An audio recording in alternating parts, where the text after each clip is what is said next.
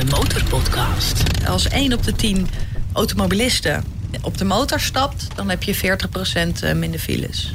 En ik lig echt, laat maar zeggen, ja, op, op mijn buik. Ja, tevoren op die motorfiets. Een hele mooie roestige tank. Dus ik dacht, ik moet een motorfiets hebben voor onder die tank. De Motorpodcast. Passie voor motoren. Met Dennis QC en Peter Kroon. Seizoen 2, aflevering 102 van de nummer 1 podcast voor iedereen die zich motorrijder voelt en voor iedereen die geniet van alles wat met motorrijden te maken heeft. Zometeen komt hij er weer aan, hè? de motorbeurs van 22 tot 25 februari, Dennis. Ja, zin in. Het duurt nog heel even, maar uh, we hebben er heel veel leuk nieuws over straks in deze aflevering, dus blijf luisteren. Alle motormerken staan weer op de beursvloer en, uh, en wij ook. Maar Ja, goed, details straks zometeen. Ja.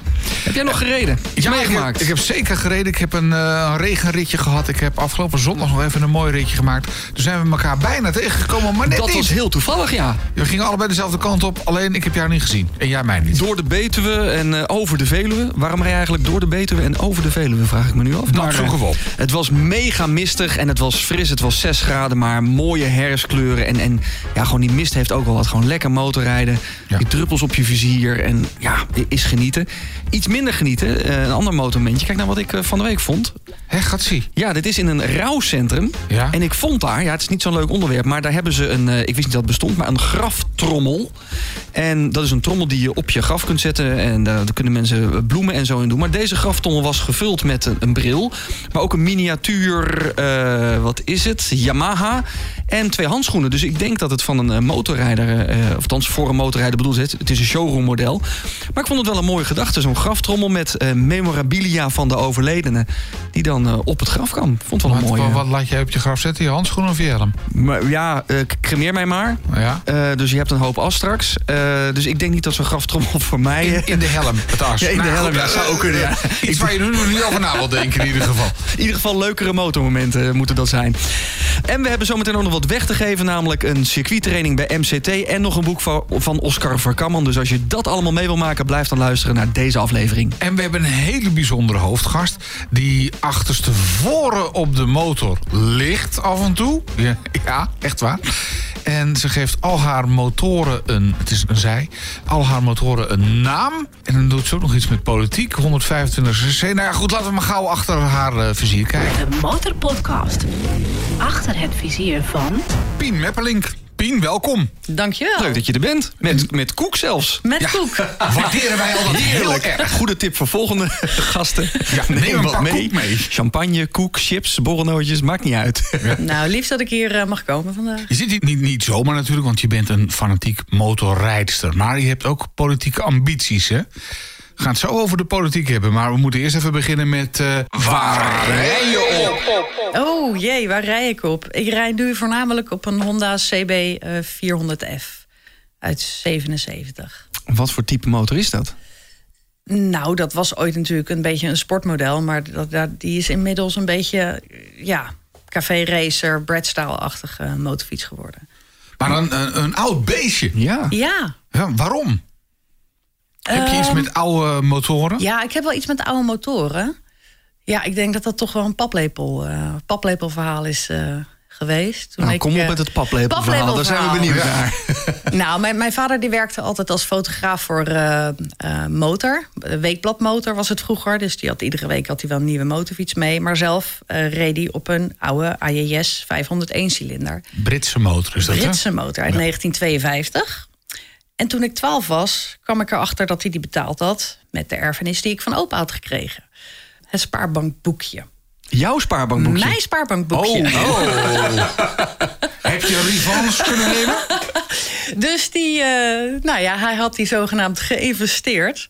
Ah, ja. Eh, want hij wilde heel graag die motorfiets hebben. Ik heb zeker revanche genomen, want dat betekende dat ik eigenlijk altijd geld had. Ja. Als puber. Want dan wilde ik een, eh, een brommertje kopen. En dan had ik natuurlijk helemaal geen geld. Want Goeie ik werkte deal. bij de dierenwinkel. Dus dat, dat, dat verdiende ik niet genoeg. Dus eh, dan zei ik tegen pa, nou dan krijg jij de tank en het stuur. En eh, nou ja, het zweefzadel.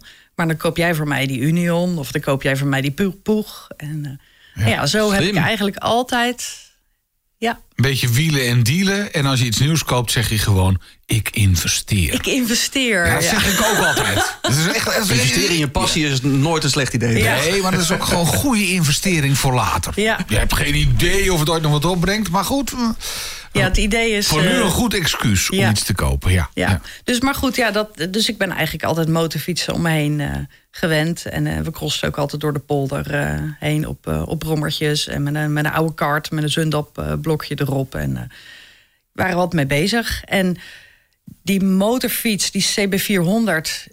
Ik kreeg van mijn, mijn goede vriend Stijn de, den Bogende van Bafketels... die kwam met een hele mooie tank aan van een Honda CB350 prachtig aangetaste tank. Waar iemand ooit, eh, waarschijnlijk eh, in 1970 of zo, met veel liefde nog extra striping op had toegepast en eh, toegevoegd. Een hele mooie roestige tank. Dus ik dacht, ik moet een motorfiets hebben voor onder die tank. Oh, dus ook al een Goede reden, ja hoor. Dus die tank heb ik twee jaar gekoesterd. En ondertussen was ik op zoek naar een, eh, een motorfiets die geschikt was voor de onder. En toen stond ik in, eh, in Spanje bovenop een berg. Ik, was, ik werk als fotograaf en ik was eh, op die berg aan het wachten... tot er een nieuwe groep journalisten voorbij kwam om een foto van te maken. En uit belorigheid was ik echt eh, een beetje op Facebook eh, aan het kijken. En toen zag ik eh, kratten met onderdelen. Er stond bij Honda CB400F, doe een bot. Dus ik had echt een bot gedaan van, ik weet niet, 200 euro of zo. En eh, toen moest ik eh, vijf minuten daarna naar huis bellen... om mijn man te vertellen dat we een CB400F hadden gekocht. In stukjes. In stukjes. Hoe reageerde die?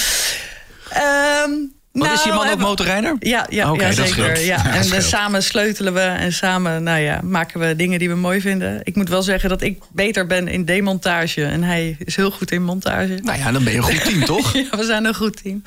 Maar eh, nee, tuurlijk, hij was wel enthousiast. Maar de, die motorfiets bleek eigenlijk wel behoorlijk gaar. En het blok, eh, nou ja, bouten afgebroken. En Waar begin het, je het aan dan, was hè? volledig verzaagd. Ja, maar toch had ik wel een beeld voor ogen.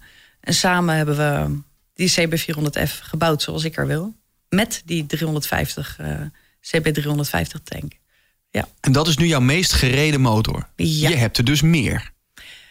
Ja, ik heb ook nog een CB350 uit 68. Ja. Ehm, en we hebben samen een CX500. En mijn man die heeft nog een BMW. Een CX500, dat is een café-racer.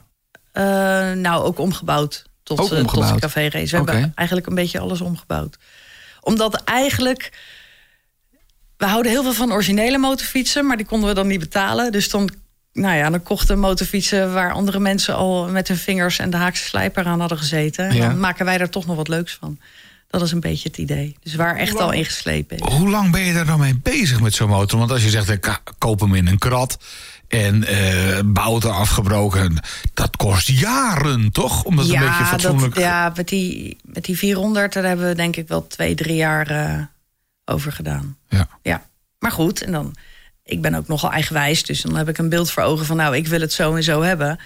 En dan moeten we dat nog maar voor elkaar zien te krijgen. En dan wil je per se die Pirelli Scorpion banden... maar die passen dan weer helemaal niet om de wielen. Dus dan moeten er weer andere wielen en nieuw vlechten. En dat is, eh, zijn wel uitdagingen. En is hij nu dan helemaal zoals je wilt? Helemaal. Of staat er nog iets op je wensenlijstje? Nee, is echt helemaal klaar. Helemaal, Ja? ja. ja, het, is, het een beetje, ziet er een beetje aangetast eh, uit. Dat wabi-sabi, daar hou ik erg van. Dus de kunst van de imperfectie. Wabi Sabi, die heb ik nog nooit gehoord. De kunst Ja, van de imperfectie. Japans is De dat... groene eh, spul wat je op de nee, sushi dat wasabi. is wasabi. Wabi Sabi. Oh, wabi-sabi. Nee, de kunst van de imperfectie, dat is ja, dat het iets, eh, laat maar zeggen, verouderd heeft. Dat het tand destijds eh, daarvan gesnoept heeft, laat maar zeggen. En dat maakt het juist mooi. Jij zal dus niet zo snel een, een, een mooi showroom modelletje kopen. Mm, nee. Jij koopt liever een krat, twee jaar de tijd lekker sleutelen. Nou ja, en dan maken precies zoals je wil. Er Ja. zijn ook heel veel motorfietsen die ik nu echt prachtig vind, hoor. Die, ik- die, ik, eh, die ik heel erg mooi vind. Maar ik denk toch dat ik meer dat doorleefde. Dat ik, eh, ja, dat vind ik gewoon gaaf. En je bent een fan van motoren die al een tijdje gereden hebben. Want 68, het zijn, het zijn eh, motoren met een, met een verhaal. Ja. Je houdt niet van nieuwe dingen. Nou, ook wel. Ik heb ook een Mesh 125 cc. En dat is gewoon eh, elke dag, eh, laat maar zeggen, woonwerk eh, dichtbij en er lekker mee eh, de stad in als het regent.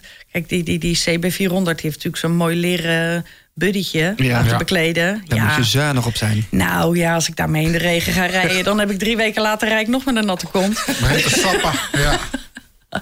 Dus eh, dan is die mesjes ideaal. Ja. Ja, en die laat ook geen oliesporen achter als ik bij een klant ben geweest. Dat is ook wel eens fijn. De rest wel. Nou, die laat een, een kleine Peter ook met souvenir. zijn Harley, maar Klein we moeten souvenir. de grap toch maken, Peter. Ja, zeg, ze- dat zeggen ze altijd van hard. Ik heb een Harley, dus dan Mm. is het altijd van... Ah, plasje olie, hè. Maar het, het valt gelukkig mee met de, de nieuwe modellen. Ja. Maar er zijn weer andere dingen. Juist. Hey, eh, 125 cc, daar gaan we het zo ook even over hebben. Want daar ben jij een, eh, ja, een soort pleitbezorger van. Eh, want je, Yes. je zit ook in de politiek. En eh, nou, daar zijn we zo ook heel benieuwd naar. En je bent motorfotograaf, daar moeten we ook nog over hebben zometeen. Ja, man, en man, man. we willen ook graag natuurlijk weten... wat je dan eventueel met die 100.000 euro gaat doen. Mhm. Eh, wat worden het, dan- worden dat dan nieuwe motoren? Maar goed, daar komen we zo meteen nog wel even op terug. Ik denk dat ze zich drie weken opsluiten op Marktplaats. Op zoek naar, op zoek naar kratten. Ja, Ik ben zou benieuwd. kunnen, zou Ik ben benieuwd. Ja. Wil je nog meer horen van onze gasten? Word dan vriend van de Motorpodcast. Kijk op demotorpodcast.nl. Nou, Pien, laten we eventjes focussen op je fotocarrière. Want eh, ja, ik heb wat plaatjes gezien op je website. Mooie motoren. Je bent eh, actief als fotograaf in de automotive, zoals dat dan heet. En ja, plaatjes op je, op je, op je, op je website van motoren... Waar, waarbij het lijkt alsof de achtergrond stilstaat... en de motor heel heftig beweegt. Ja, mooi gedaan. Ik heb er niet de juiste woorden voor, maar jij kan ongetwijfeld uitleggen hoe dat precies zit. De achtergrond beweegt, eh ja, snelheidsfotografie. mooie plaatjes, hoor. Ja, dat Ja, is het, ja. Ja, ik ben er wel redelijk in eh, gespecialiseerd. Dus dan heb je inderdaad, de, de, de, de motorfiets eh, lijkt stil te staan. Alleen de, bewe- de, de wielen bewegen heel erg. Dus je ziet echt wel dat ze bewegen. En de achtergrond helemaal onscherp. ja. Ja, dat is echt een eh, een specialisatie wat ik ontzettend leuk vind eh, om te doen. Maar lig je dan in de berm en be- beweeg je de camera mee? Of zit je dan in een auto die ernaast rijdt? Hoe werkt zoiets? Ehm nou, dat verschillende hele manieren. mooie Je- plaatjes? Je, je kunt inderdaad eh, in, een, in, in een bocht liggen en dan trek je je camera mee met de snelheid van de motorfiets. Of ik hang in een tuigje achteruit een auto die er dan voor of naast rijdt. Of ik lig achterstevoren op een motorfiets die, er, die ervoor rijdt Je eigenlijk. ligt achterstevoren op een motorfiets. Je zit bij iemand achterop. En Ja. jij dus... Ik lig dan achterstevoren, dus mijn benen liggen dan over, eh, ja, om, om mijn rijder heen, laat maar zeggen. Maar dat is even atypisch rijden. Ik probeer me daar iets bij voor te stellen, hoe dat er ongeveer... Ja, zit zou- achterstevoren. Daar zou ik ook wel eens een foto van willen zien, hoe je dat dan doet. Ja, die heb ik wel. Nee, maar dat is, eigenlijk is dat wel ideaal. Eh, kijk, als je met een auto voor een motorfiets rijdt... dan neem je al heel snel heel veel ruimte in. Je moet de achterklep open, je moet in een tuigje hangen. Het is, ja, is dat nou veilig? Nou ja, op het circuit is dat natuurlijk, kan dat. Maar eh, op de openbare weg doe je dat liever niet.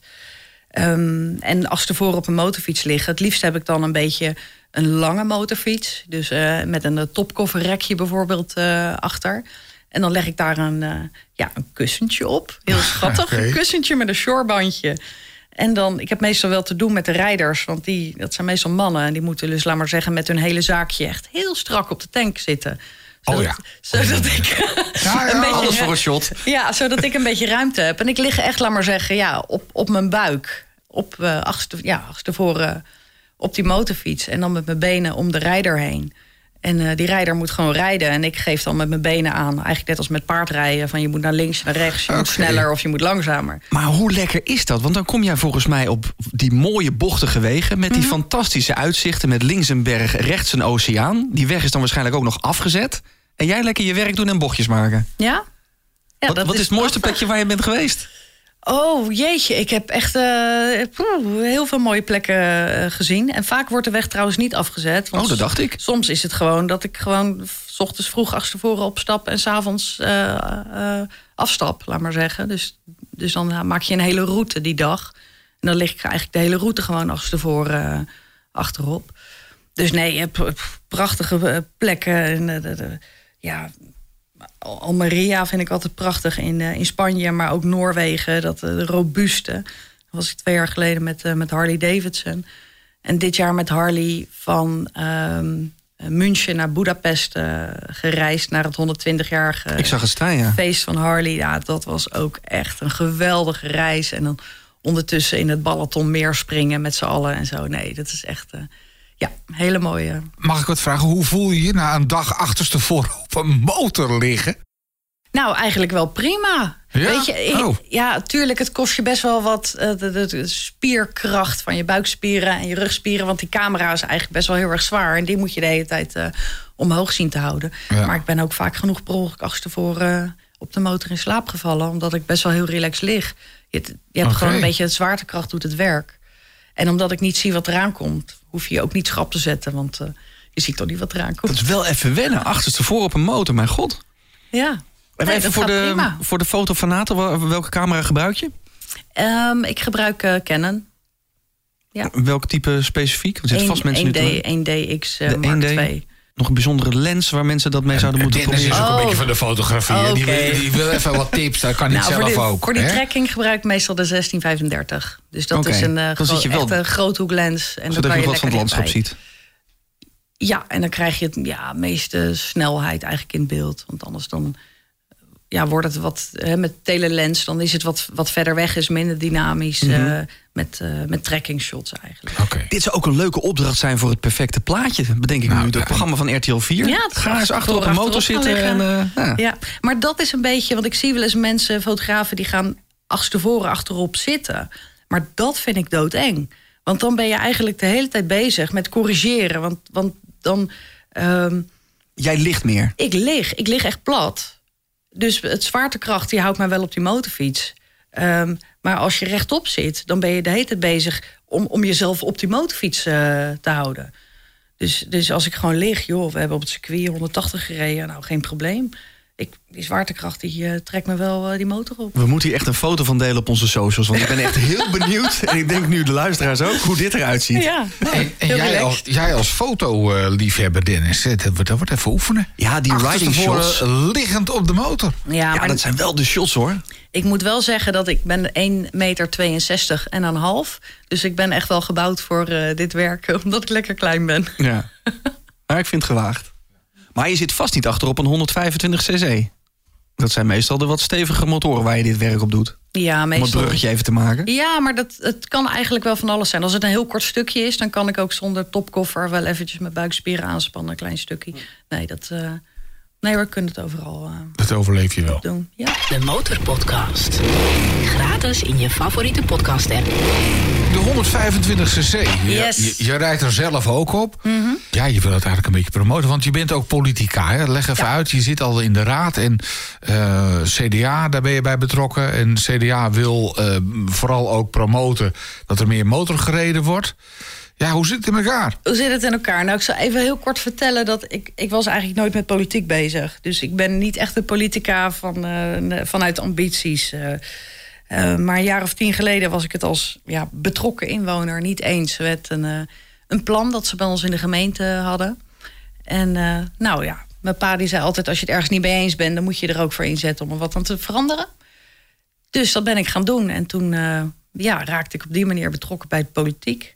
Dan raak je, nou ja, dan kom je in contact met raadsleden. En dan denk je, ja, dat is toch wel heel erg interessant. En je kunt toch wel echt iets betekenen. Je kiest een partij. Nou ja, ik, ging, ik had nog nooit op CDA, nog nooit iets met CDA gehad. Dus toen ging ik eh, verkiezingsprogramma's eh, bekijken. En eh, nou ja, de, de, het gedachtegoed van de verschillende partijen. En toen dacht ik, oh shit, ik ben gewoon een CDA. Daar kom ik echt, nou ja, zo op die manier achter. Dus toen dacht ik, nou, dan ga ik kijken of die CDA'ers op mij zitten te wachten. Want ik ben niet gelovig. En eh, ja, ik ben gewoon een werkende moek eh, uit de polder, eh, zeg ik altijd. Maar dat klikte. En nu doe ik al zes jaar met heel veel plezier... eh, ben ik gemeenteraads, gemeenteraadslid. En nu werd ik voorgedragen dan voor de Tweede Kamer. Van joh, misschien moet je eens gaan solliciteren als, als kandidaat. Dus nou, dat is natuurlijk super gaaf als je voorgedragen wordt. Ehm, maar goed, ik ben voor mijn werk dus heel veel met mobiliteit bezig. En dan zie je in andere landen hoe het, hoe het er daaraan toe gaat. Hè? Dat er veel meer tweewielers, eh, gemotoriseerde tweewielers op de weg zijn. En ook vooral dat andere weggebruikers daar veel meer rekening mee houden. En toen dacht ik, ja, wat kunnen we nou gaan betekenen voor Nederland? Wat kunnen we nou eh, in Nederland doen? Want we hebben echt wel eh, ja, mobiliteitsproblemen. Ehm, zoveel mogelijk mensen willen we uit de auto zien te krijgen. Nou ja, het OV wordt alleen maar duurder, is niet voor iedereen eh, bereikbaar. Ehm, en de fiets, ook de elektrische fiets, is ook niet voor alle afstanden en voor iedereen bereikbaar. Dus hoe kunnen we nu nog met een alternatief komen? Hoe kun je iets bijdragen? Nou, toen dacht ik van wacht eens eventjes, die 125 cc'tjes. Ehm, in andere landen werkt dat heel goed. Dat je met je autorijbewijs eh, een 125 cc uh, kunt besturen. Want waar mag dat in Europa? Um, dat is in 15 verschillende landen. Dat is veel. Dat is echt wel veel. Waaronder nou ja, onze buurlanden België en, uh, en uh, Duitsland. En eigenlijk hebben al die landen wel andere regelgeving. Dus bij de, de ene mag het alleen maar een automaat zijn. Uh, de andere moet je negen lessen van anderhalf uur volgen, praktijklessen. In België moet je twee jaar je autorijbewijs hebben, zodat je hè, ervaring hebt op de weg. En dan moet je um, vier praktijklessen volgen van een uurtje. Dus dat is allemaal heel erg verschillend. Maar die mogelijkheden om het verschillend aan te pakken, die zijn er dus. Maar daarmee kun je wel motorrijden voor een grotere groep bereikbaar maken. En je ziet dat bijvoorbeeld in België dat het ook heel erg gewerkt heeft om uiteindelijk ook meer mensen op een zwaardere motorfiets te krijgen. En dus uit de auto. Uit de auto, die gaan op 125 cc, die vinden dat helemaal geweldig. En die denken, ja, ik wil toch wat meer. En die gaan uiteindelijk voor een zware rijbewijs. Ik denk gewoon dat het een hele grote bijdrage kan, uh, kan gaan leveren aan het oplossen van, uh, nou ja, niet alleen mobiliteitsproblemen, maar ook parkeerproblematiek. Ja, die, die, die kennen wij natuurlijk, die voordelen als motorrijder. Je kunt in principe bijna overal parkeren. Ook Ja. nog eens gratis. Ja. Als je het een beetje netjes doet. Dus ja, dat voordeel kennen wij. Ja. En je kunt, nou ja, tussen de file door. Ja. Dus, um, en het is, kijk, 125 cc'tjes zijn over het algemeen gewoon heel betaalbaar. Ze zijn heel zuinig, zuinig in gebruik. Makkelijk te elektrificeren. Als er nou motorfietsen elektrisch worden, zijn het in eerste instantie vaak meestal de lichte motorfietsen. Dus ik denk dat het, nou ja, ook voor de, voor de toekomst, als je zegt duurzaamheid, um, dan zijn 125 cc motorfietsen ook echt wel op dat vlak uh, belangrijk. En hoe gaat het dan bij het CDA? Dan wil je dat voorstellen en, zegt zo'n bontebal dan niet van... Uh, nou, het is allemaal hartstikke leuk, uh, Pien... maar uh, we hebben toch eigenlijk iets meer met boeren dan met, met die motorrijders? Uh, nee, dat zegt Bontebal niet. Nee, nee, nee. nee.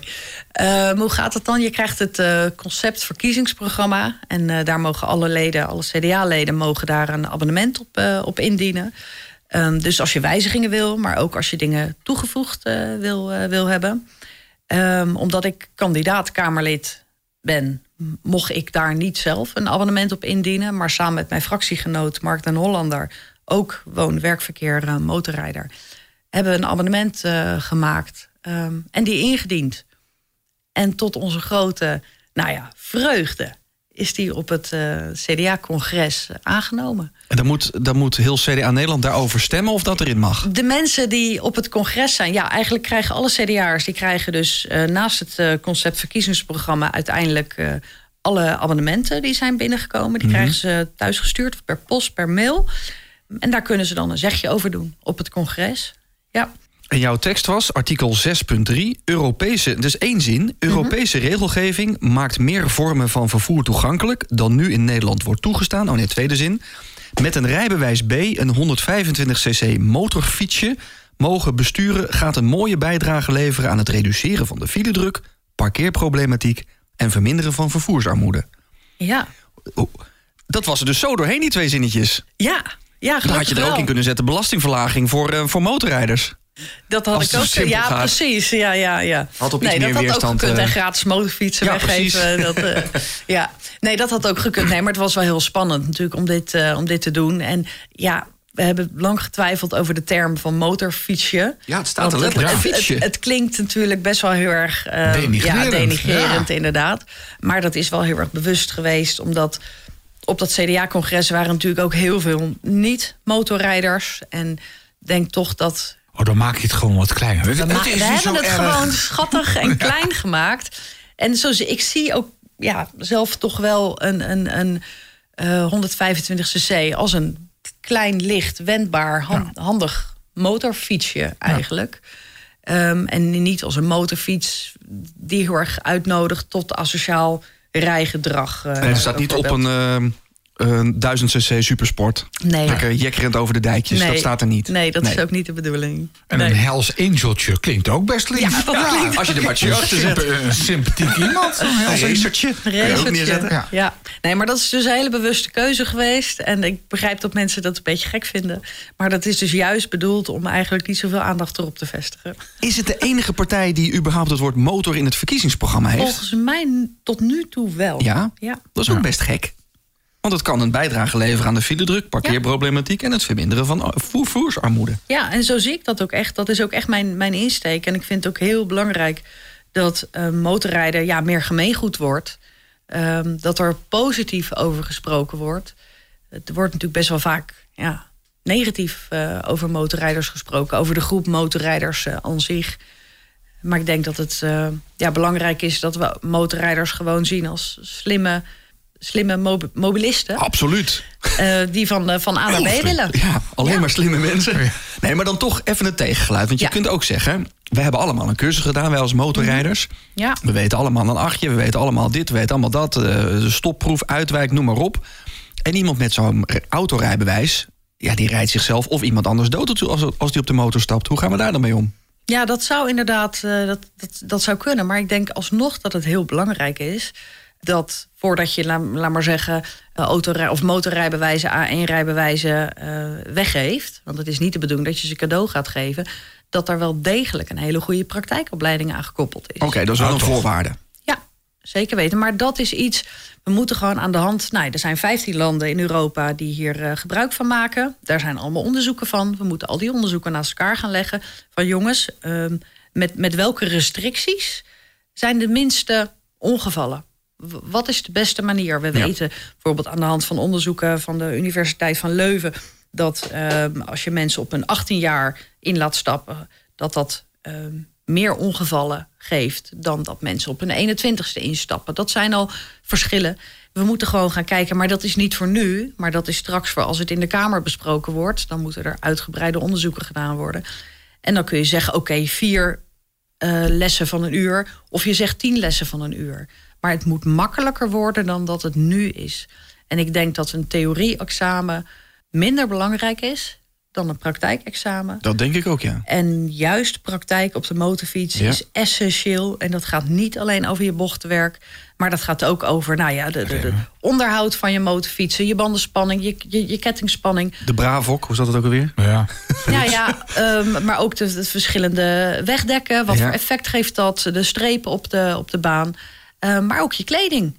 Motorkleding is belangrijk. Een Maar- veilige helm is heel belangrijk. ja, ligt allemaal heel erg voor de hand. Maar in Nederland mag je dus met een autorijbewijs op een driewieler... Op een driewieler die zich toch gedragen als een motor op twee wielen... gewoon legaal mogen rijden. Die weten niks van strepen, die weten niks van kleding. Even door de bank genomen. Mhm. En die gedragen ze soms als een motorrijder. Terwijl ik denk, van, ja, een motorrijder zou dit toch heel anders oppakken. Ja. Zijn er gevaren op de weg, vind ik soms. Ja, maar die mensen hebben dus geen praktijklessen niet, hoeven, nee. hoeven te krijgen. En dat was inderdaad als je je autorijbewijs voor eh, januari 2013 hebt gehaald... ehm, dan mag je dus inderdaad op zo'n zo'n driewieler en Ja. MP3 eh, ja, zo'n stappen. MP3, ja. Nou ja, daar zitten geen restricties verder aan van eh, de, de, de kilowattuur of, of van gewicht ook. Hè? Van die, die, die motorfietsen zijn natuurlijk hartstikke gro- groot en, en log. Ja.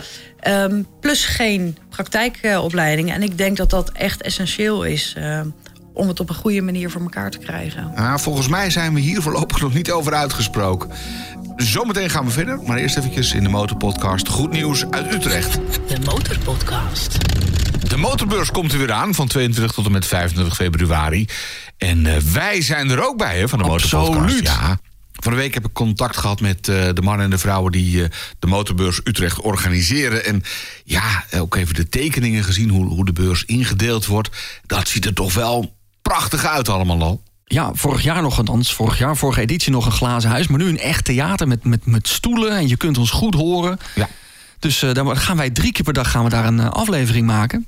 En eh, ja, dat wordt weer even doorbuffelen, Peter. Nou, nou, daar maak ik me niet zo zorgen om. Want als iets leuk is, en dit gaat heel leuk worden... maar als iets dus leuk is of leuk gaat worden... ja, dan voel ik doorgaans eh, de vermoeide voeten niet zo heel erg. En ja, eh, leuk wordt het zeker, want we gaan met boeiende, spraakmakende gasten praten... in het theater dus, midden, in de, of midden op de motorbeurs... half twaalf in het theater.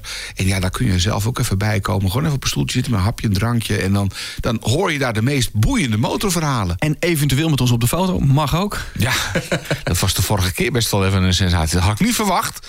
Dus eh, ja, ben ook weer een jaartje ouder geworden natuurlijk. Dus ik weet niet of ik nu nog met iedereen op de foto moet. Maar En maar wat leuk is het dat alle merken er weer zijn. Want die heb ik vorig jaar wel gemist. Mijn eigen vertrouwde Yamaha en Honda merken waren er vorig jaar niet. En eh, er stonden wel hele mooie andere merken. Maar het is wel weer fijn dat in 2024 alle grote merken er weer zijn. En we lekker over die beurs kunnen struinen langs nou, elk merk wat je maar eventjes wil proberen. ja, wordt, wordt wel even een dingetje hoor. Als er weer heel veel mooie dingen staan, dan word ik altijd zo hebberig, jongen. Ja, oh man, ja. man, man, man.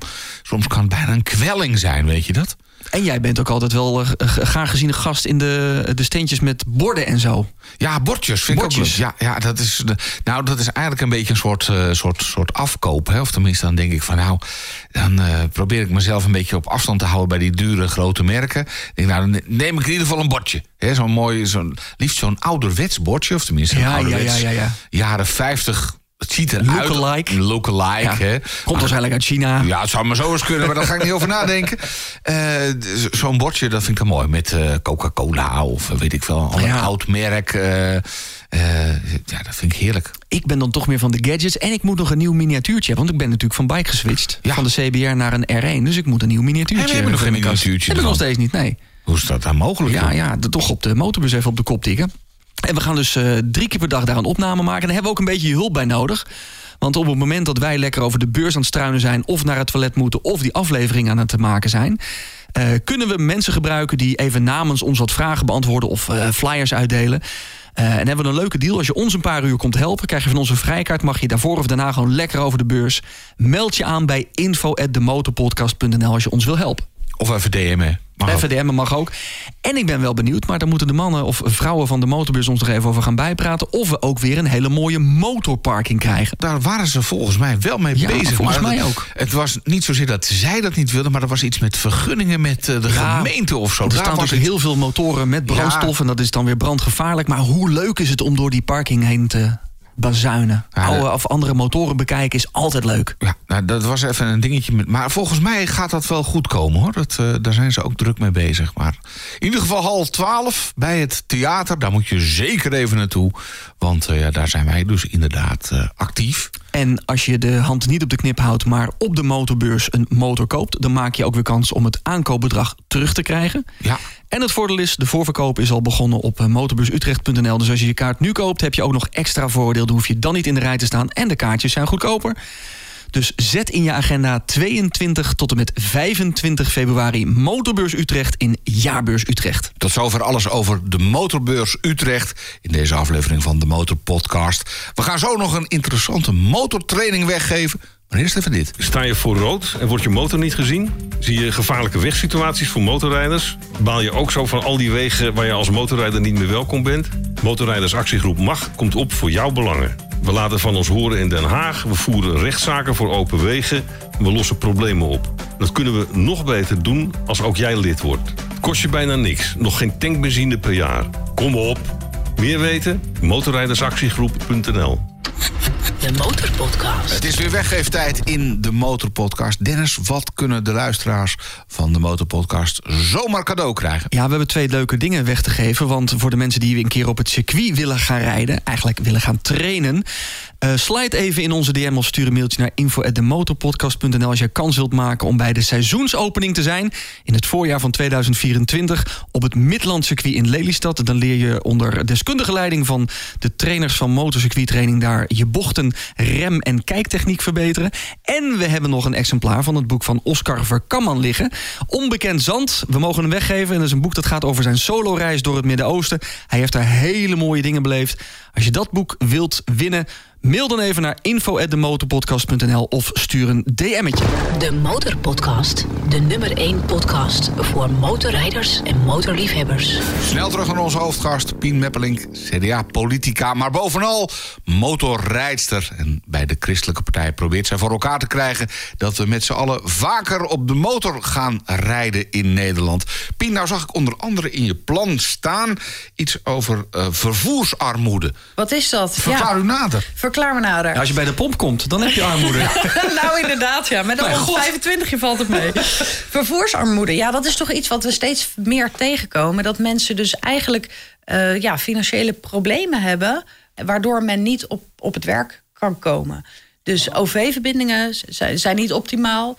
Nou, de fiets is dan een te grote afstand. Auto's worden eigenlijk te duur in gebruik. Uh, nou ja, neem het parkeren van een auto. Dat, uh, dat kost uh, heel veel geld.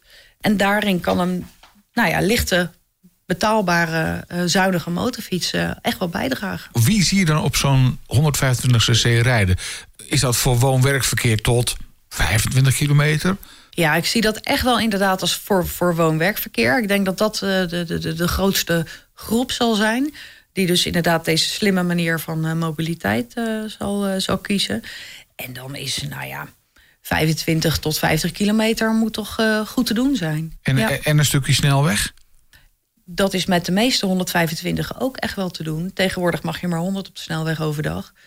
Ja, het is een, het is een eigen keus. Ja, maar zeker dat moet je trainen. Als je nog nooit op een motor op een 125 cc op de snelweg hebt gezeten. Dan is dat, dat zou echt wel onderdeel, even een tipje ja. mijnerzijds, ja. onderdeel maken van het praktijkexamen. Moet je eens proberen om een vrachtwagen heen te gaan met zo'n ja, lichtmotorfietsje. Je waait weg. Wind tegen voorbij, succes. Dat is best wel pittig. Nou, ja. mijn mesje lukt het ook. Ja, ik ben ook jouw niet ervaring. zo zwaar. Je bent bijna geboren op de motor, voor of achteruit.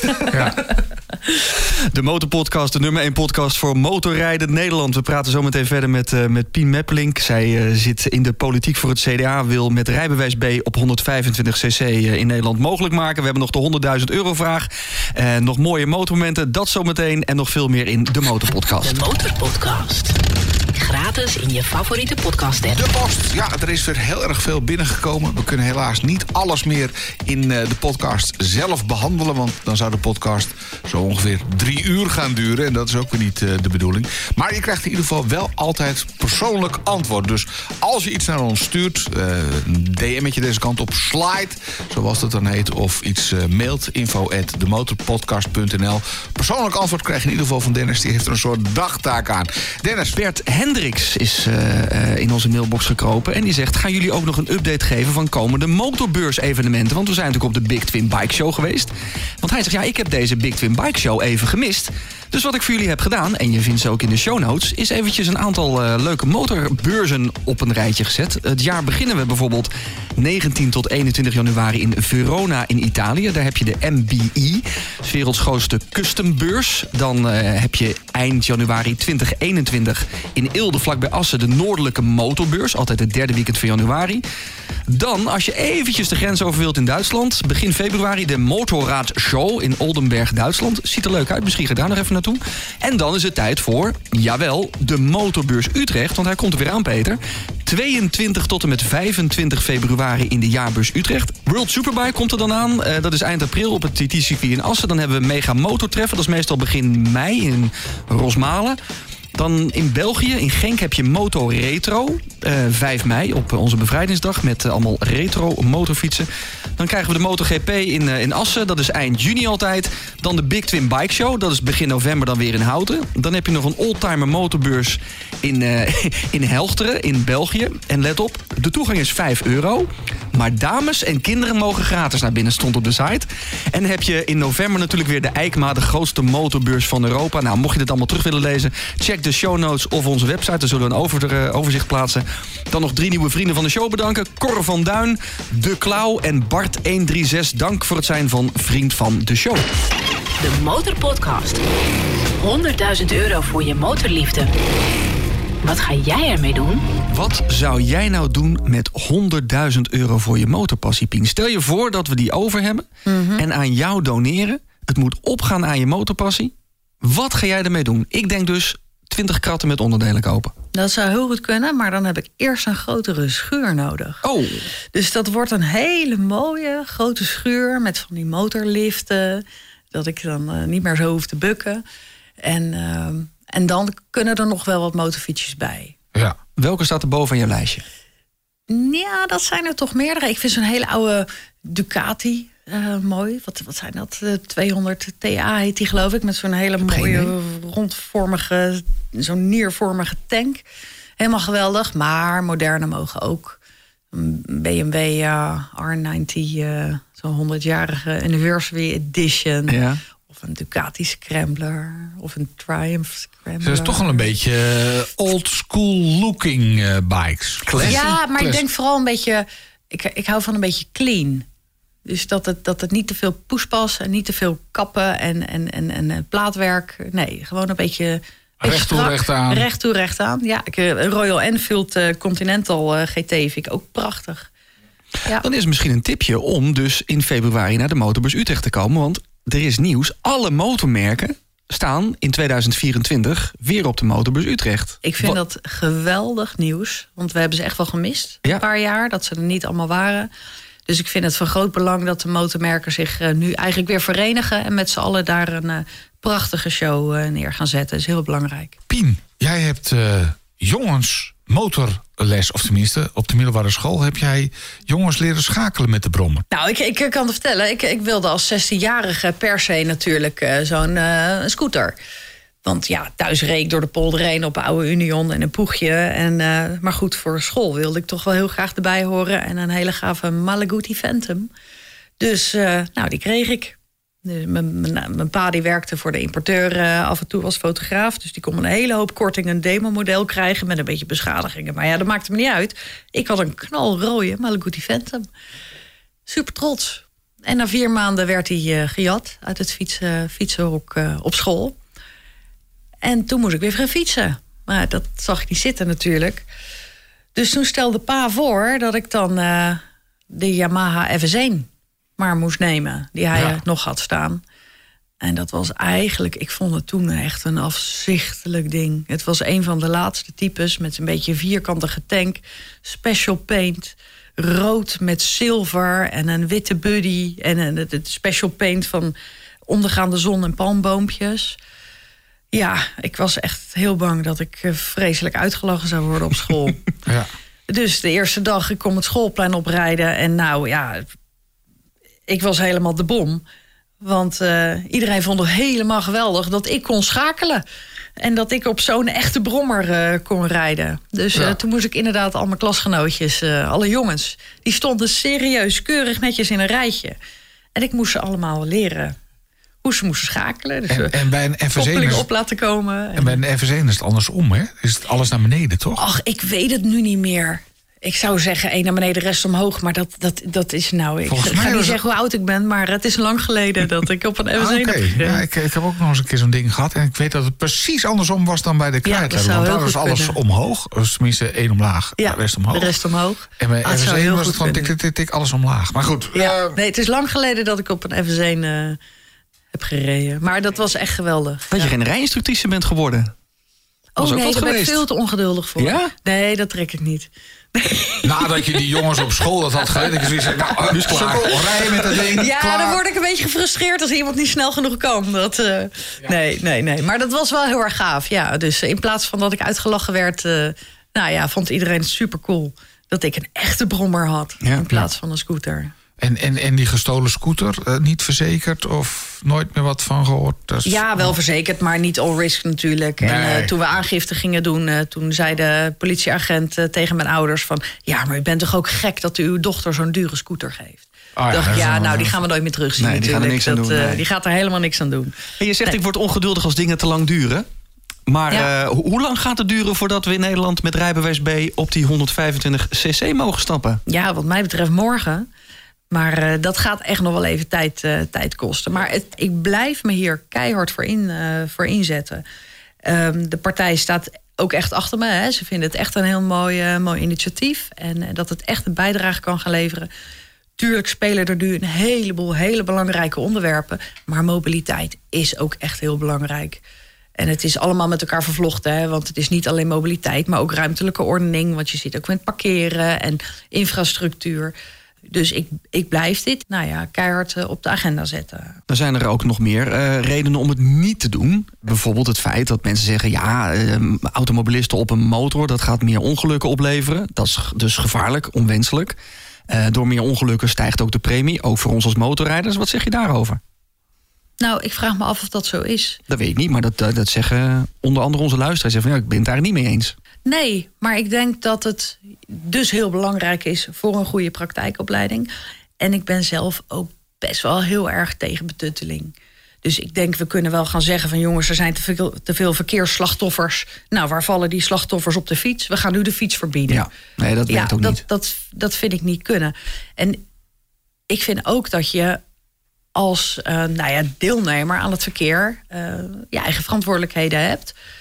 En ik wil dus ook dat mensen uh, die verantwoordelijkheid nemen. Ik ben, nou wat ik zei, ik ben 1,62. Jij rijdt op een dikke Harley. Ik zie mezelf dat niet doen. Want dat is voor mij gewoon niet de motorfiets waar ik, waar ik hè, die past bij mij. Een ander kan dat misschien prima, maar voor mij is dat niet. Dan moet ik dat ook niet doen. Dan moet ik daar ook niet op stappen. Want dan, dan gaat het mis. En ik denk dat, dat, uh, dat motorrijders heel goed weten dat ze heel kwetsbaar zijn. Helemaal als je inderdaad de snelweg opgaat. Zorg ook dat je je bewust bent van die kwetsbaarheid. En ga dan extra cursussen volgen. Ja. Je hebt prachtige circuittrainingen. Uh, bijvoorbeeld. Ja. Je hebt de VRO je, natuurlijk. VRO en, en de KNV. En er zijn nog een heleboel organisaties die geven circuittrainingen. Maar dat is niet alleen om hard te leren rijden, maar ook om één te worden met de ja. motorfiets. En ik denk dat iedere rijder ook zijn eigen verantwoordelijkheid heeft om te leren: wat kan ik met die motorfiets? Ja. En nou ja, er zijn natuurlijk ook trainingen voor uh, speciale verrichtingen. En uh, ik, ik denk dat we niet moeten betuttelen, maar ook vertrouwen moeten hebben in, uh, in, in de mensen zelf. Ja, ik denk ook, als je dat toestaat, geeft mensen in ieder geval de verplichting om vier uurtjes of zo een, een training te volgen. Dat je in ieder geval de basics van het motorrijden onder de knie hebt. En dan pas opstappen op het Ja, nee, maar dat is natuurlijk. Maar hoeveel uur dat moet zijn en of nou ja, het nou vier uur of, of, of De basics moeten erin zitten. Ja, ik heb zelf ook. Ik heb een. Nou ja, ik had natuurlijk mijn autorijbewijs al. Uh, toen ik 21 was, uh, heb ik mijn motorrijbewijs. Ja, dat was twee dagen. Zo'n tweedaagse cursus uh, was dat destijds nog. Nou, prima. En dan de tweede dag daarna aan het einde van de dag afrijden. Ja. Dan heb je toch wat uurtjes. Ik denk ook juist dat het heel belangrijk is dat je een paar uur achter elkaar les krijgt, zodat je één wordt en dat je niet elke keer opnieuw hoeft op te stappen. Ja. Elke keer weer opnieuw uh, aan die motorfiets moet wennen. Maar ik zie daar echt wel, ja, ik zie dat echt wel gebeuren. En stiekem. Het is ook wel gezellig, toch meer motorrijders op de weg? Nee, maar dat is juist heel goed, want gaan mensen ook ja. meer rekening met elkaar nee, juist, houden. Ja, dan zijn we nog meer zichtbaar. Ik, ik, ik denk dat hè, jij, ik, wij allemaal als motorrijder, als ik in de auto zit en ik uh, ga mijn ruitenwisselvloeistof doen, dan kijk ik even ja. in mijn spiegels. Want je weet als motorrijder hoe smerig dat smaakt. Ja, ja. Maar dat zijn dingen.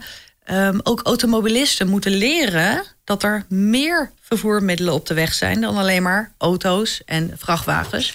Maar dat motorfietsen meer gemeengoed worden. Dus dat je ook meer rekening houdt met elkaar. Dus at the end wordt het dan veiliger. Nou, nou, dat denk ik wel, ja. Nou hang ik zelf ook wel eens een beetje de motorpredikant uit. Hè? Mm -hmm. Bij mensen dat ik dan zeg van... Uh, waarom ga je niet op de motor, joh? Hè? Ik bedoel, uh, en dan is het altijd van... Wil je lid worden van het CDA? Ja, mag. Welkom. Nee, die, uh, die ambitie heb ik niet. Maar... Um, en dan zeggen ze vaak, ja, maar het slechte weer. En het moment dat we dit, dit nu opnemen... komt het ook met bakken uit de lucht ja, wat, wat, zeg jij dan tegen mensen die zeggen... ja, vies weer en dan moet ik mijn spullen meenemen... dan kom ik nat aan op mijn werk en gaat zidarrie, hè? Ja, dat klopt. Aan de andere kant heb je prachtige kleding tegenwoordig voor op de motor. Als het niet regent, dan heb je geweldige jeans, uh, casual kleding... waarmee je echt niet hoeft te schamen. Ik bedoel, mijn collega en ik uh, stonden een paar jaar geleden nog iedere dag... in ons ondergoed uh, in, de, in de fotostudio omdat we onze motorpakken uittrokken en dan onze casual kleding aan. Dat hoeft tegenwoordig niet meer. En heel veel banen die laten ook toe dat je gewoon een uurtje later... Wacht even die bui af, begin even thuis met werken. Dat kan ook op steeds meer plekken. Dat je nou, ik begin wat later, kom wat later naar kantoor. Ja, dat kan ook inderdaad. Maar ik Als denk het werken toelaat. Dat, joh, ik denk dat de voordelen van motorrijden... met dat je sneller op je werk bent... dat je Zo. tussen de files door kan... dat je geen probleem hebt met parkeren... nou ja, daarvoor trek ik dat grote pak wel aan. Hoor. Ja. En stevige klerenhangers in het ketelhuis dan droog, uh, tenminste, ik, ik, hang, als, als ik nat mm -hmm. aankom hier, hang ik mijn pak op in het ketelhuis, daar is het warm. Ja, Staat veehok. De, de, de gasketel staat daar, daar is het lekker warm. Ja. Dan heb ik gewoon een haak gemaakt met een stevige eh, klerenhanger, is het eigenlijk. Dan hang ik hem op. En dan is s'avonds weer droog. Ja. Dus dat moet dan bij ieder kantoor ook nog eventjes eh, gerealiseerd Ja, ik- worden. ik- Motorparkeerplekken bij kantoor zou ook Ja. fijn Ja. zijn. ja. ik gebruik zelf in de studio, daar heb ik eh, in de fotostudio een, eh, een föhn. En die hang ik dan op eh, aan een eh, fotostatief. Oké, is goed. naar je werk. Een föhn mee naar je werk. En die laat ik dan even wapperen. Ik Maar weet niet of de gemiddelde motorrijder dat gaat doen. Ja, in de fotostudio ligt hij altijd wel. Dus eh, nee, maar dat inderdaad. Er zijn overal toch weer oplossingen voor te vinden. Of een reservesetje mee. Kan ook nog. Hoe zijn de reacties uit de rest van de politiek? Want jullie hebben natuurlijk allemaal elkaars eh, partijprogramma gelezen, doorgerekend. Sommige partijen rekenen het helemaal niet door. Eh, hoe zijn de reacties uit Den Haag? Ik heb nog niet op dit onderwerp specifie- specifieke reacties gehoord van andere partijen. Natuurlijk wel vanuit hè, mijn politieke partijen, vanuit, eh, vanuit de gemeenteraad. Die eigenlijk dit ook allemaal wel een warm hart toedragen. Dat komt omdat wij nu in de gemeente Zuidplas, waar ik dus raadslid ben, zijn we bezig om midden in de polder een heel nieuw dorp te bouwen. Dus dat is in de middle of nowhere 8000 woningen neerzetten. Er is nog geen OV, er zijn, nou ja, behalve wat landweggetjes, zijn daar nog geen, eh, geen goede infrastructuur eh, aanwezig. Ehm, en toch is de parkeernorm vastgesteld op 1,3. Dus dat betekent 1,3 parkeerplaats per woning maximaal. Dus wij zien daar ook dat dat best wel een uitdaging wordt natuurlijk. Met hoe gaan mensen die die woningen moeten nou ja, betalen. Vaak zijn dat dan toch twee verdieners. Natuurlijk maken we ook wel sociale huurwoningen en eh, betaalbare koop. Maar heel veel zijn toch wel hele dure woningen. Ja, hoe kunnen mensen dat betalen en alsnog gewoon op hun werk eh, aankomen? 1,3 parkeerplek, dus dat is één auto en een 125 cc motor. Ja, bijvoorbeeld. Bij- bijna ja. verplicht. Ja, Want dat ja, zou mooi zijn. 1,3 parkeerplek, daar doe je niet zoveel mee. Nee, dat is, niet, dat is tegenwoordig niet zoveel. Maar goed, dus grond is eh, schaars, is ontzettend eh, duur. Eh, maar goed, er moeten dus oplossingen naar oplossingen worden gezocht. Als één op de tien automobilisten op de motor stapt, dan Ja. heb je 40% eh, minder files. Dat is veel. Ja. Ja. Heb je ook geen reacties gekregen van andere motorrijders van andere partijen? Want ik kan me voorstellen dat een andere motorrijder, weet ik veel, van de VVD of eh Nee, ja, denkt, heel oh, dat had ik willen bedenken. Ja, oh, dat hadden ze. Nou, maar dat zeggen ze dan niet. Nou, dit is waar, nee. Nee, maar wel hele positieve, hele positieve reacties. Ja. De Motorpodcast. Ondertussen heb jij je hele woonkamer inmiddels volstaan met eh, motoren.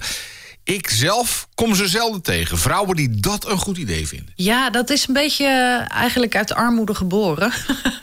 Jeroen en ik, mijn man, die, die woonden allebei... eh, ja, we woonden samen eigenlijk in Den Haag. Een heel klein eh, huisje met nou ja, twee kamers en suite. Alleen dan de voorste kamer was van de huisbaas... want daar, daar pokerde die drie keer in de week. Dus die kamer hadden we niet. Dus we hadden eigenlijk maar één kamer. En dan een badkamer en een slaapkamertje. Maar we hadden ook brommertjes. En, en die motorfiets, die Honda CB350... Maar ja, die wil je ook niet buiten laten staan. Dus die hebben we maar binnen gezet. En eh, dat was ook leuk, want dan zat ik vaak s'avonds achter mijn computer te werken. En dan was Jeroen aan het sleutelen aan die motorfietsen. Ja, dan is het toch leuk dat je samen in één kamer Ja. zit. Want anders stond hij. wel gezellig. Ja, anders Ja. stond hij in een koud schuurtje en dan zat ik binnen. Dus dan heb je, oh, dat is ook niet gezellig natuurlijk. Dus maar goed, ja, daardoor hadden we geen plek voor een eettafel of zo. Ja. Dus maar wel ja, motorfietsen en wat brommertjes binnen staan. En dan met kerstdoek altijd gezellig lampjes en zo eh, in. Een bordje op schoot kan ook. Ja, tuurlijk. ja. En eh, inmiddels wonen we op een woonbootje. Ehm, en hebben we nog maar één eh, brommer nu in de woonkamer staan. Een oude Dem is dat. Heel klein schattig brommertje. Italiaans sportbrommertje. Dus nee, dat, ja, ik vind gewoon, ik, ik mis het ook echt.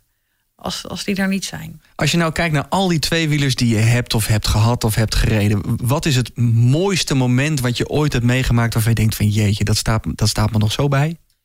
Oh, maar dan krijg ik altijd een brok in mijn keel. Nou, dat mag. Dan is het memorabel. Ja, maar. Nou, oké. Maar ik, ik ga, ik ga niet huilen, dat beloof ik. Zeg ik nu. Dat was op die IAS. Die, die 501-cilinder, die dus achteraf van mij bleek te zijn. Ehm, bij mijn vader achterop. Mijn vader die had daar een zweefzadel eh, op gezet. En eh, er werd dan een eh, langwerpig rood verloers kussentje... gewoon achterop gelegd, los op dat achterspatbord. Want dat was natuurlijk van dat hele dikke, oude Engelse staal. En dan mocht ik bij mijn vader achterop. En ik weet nog, het mooiste moment, dat was We waren in, in Rotterdam. We reden op de snelweg met, met dat oude ding. Maar goed, dat, dat ging gewoon. toen. En ik zat gewoon alleen op dat kussentje. En ik had wel voetsteuntjes dan. En mijn vader zo vasthouden.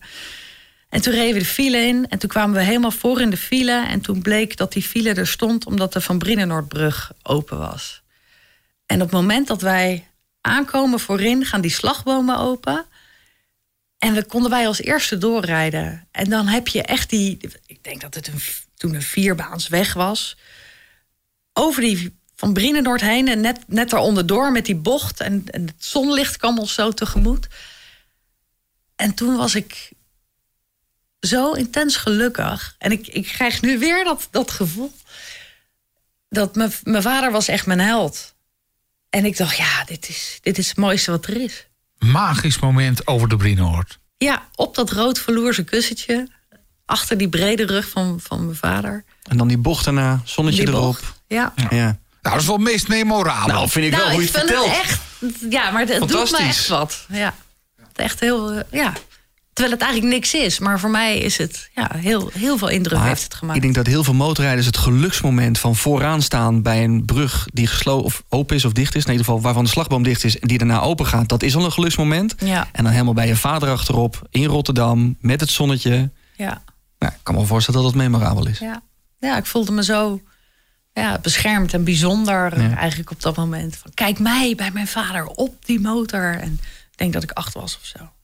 Ja, heel fijn. Als we op jouw naam googlen, Mhm. Pien Meppelink en het woord motor erachter... dan komen er hele mooie motorfoto's naar boven. Mhm. Onder andere eentje van jou bij het torentje. Ja, dat klopt, ja. Zien we jou ooit in dat torentje? Nee, dat denk ik niet. Nee, ja, misschien als schoonmaakster of zo. nou, nee, dat, dat suggereer ik niet. Maar... Nee, nee, nee, nee, dat denk ik niet. Nee, ik vind het wel ongelooflijk leuk eh, om eh, in de politiek te zitten. En, en, en om mij eh, in te zetten voor, voor, nou ja, voor de dingen waar ik voor sta. Hè, voor, de, voor de doelen. Maar dat torentje, nee, dat, eh, dat is denk ik niet aan mij besteed. Dat ambieer je niet, maar wel in de gemeentepolitiek... en misschien op het blauwe stoeltje ooit. Ja, ik zou dolgraag de Tweede Kamer ingaan om, eh, nou ja, te doen wat ik nu in de klein heb gedaan in, eh, in Zuidplas, maar dan in het groot voor heel Nederland. Dat Lekker met de motor over dat binnenhof scheuren. Eh, ja, scheuren. Ik zal netjes, ik zal netjes rijden. Ja, je moet je wel gedragen dan natuurlijk. Ja, ik ben, een ik ben wel een idealist. En dat vind ik ook inderdaad heel belangrijk met, met, met motorrijden. Ik denk dat wij, wij zijn een kleine groep. En, en ik had het van de week ook weer. Daar stond ik in de file met de, met de auto, omdat ik weer apparatuur achterin had. En dan komt er. We stonden echt stil in de file. En er komt een motorrijder echt met 80 voorbij. En dan denk ik, waarom doe je dat nou? Want je geeft ons wel eigenlijk allemaal weer een slechte naam. En dan ben ik misschien een muts of zo die dat vindt. En dat ik dan nu zelf, eh, laat maar zeggen, betuttelend bezig ben. Maar dan denk ik, we moeten allemaal misschien een stapje terug doen. En allemaal misschien een beetje denken van... ehm, de weg is van ons allemaal en niet alleen van mij. Dus niet dat opzij ik moet er door. Ik betaal wegenbelasting, dus ik mag hier rijden. Maar hoe gaan we nu allemaal op een veilige manier van A naar B... Ehm, en hoe draag ik bij aan, aan, de veiligheid op de weg? En ik denk dat het voor motorrijders juist ook belangrijk is om eh, je te gedragen. En ik vind het geweldig om hard te gaan. Nou, knietje aan de grond lukt me niet als ik zelf rij. Maar achtervoor, achterop eh, gaat het wel. Maar doe dat lekker op het circuit. En ga leuke trainingen volgen. En er zijn echt genoeg mogelijkheden om, eh, nou ja, om, om, om, om het een hobby te maken. Maar laten we ook zorgen dat het eh, gewoon voor woon-werkverkeer te doen is. En volgens mij als iedereen zich een beetje gedraagt op de weg... moet- kan het alleen maar gezelliger worden, toch? Lijkt mij ook. Pien, blijf nog even zitten, want we doen nog even een nabrander met een, eh, met een, met, een drankje erbij. Absoluut. Voor eh, je komst naar de studio willen we je hartelijk danken... met een eh vizierreiniger zet van handigschoonmaken.nl. Daarmee maak je in een handomdraai je motor en motorproducten handig schoon. Blijf nog even hangen, want we gaan die nabrander opnemen. Ben je geen vriend van de show, dan ga je die nabrander missen. En je kunt nog vriend van de show worden op demotorpodcast.nl. En klik dan op woord vriend. Hoe was het ook alweer? Voor minder dan een tientje ben je een vriendje. Volgende aflevering van de Motorpodcast gaat spectaculair worden... want dan hebben we een soort van motorhaters te gast in de Motorpodcast studio. De mannen van de Neefom zijn er dan. Ik ga ze gewoon wat aandoen, hè. Ik ga ze van de motor afslaan. Ja, dat belooft wat te worden. En vind je deze podcast nou leuk? Deel hem dan vooral met andere motorrijders. En luister via Spotify. Druk dan op volgen, want dan krijg je natuurlijk een seintje bij de volgende aflevering van... De Motorpodcast. Gratis in je favoriete podcast app.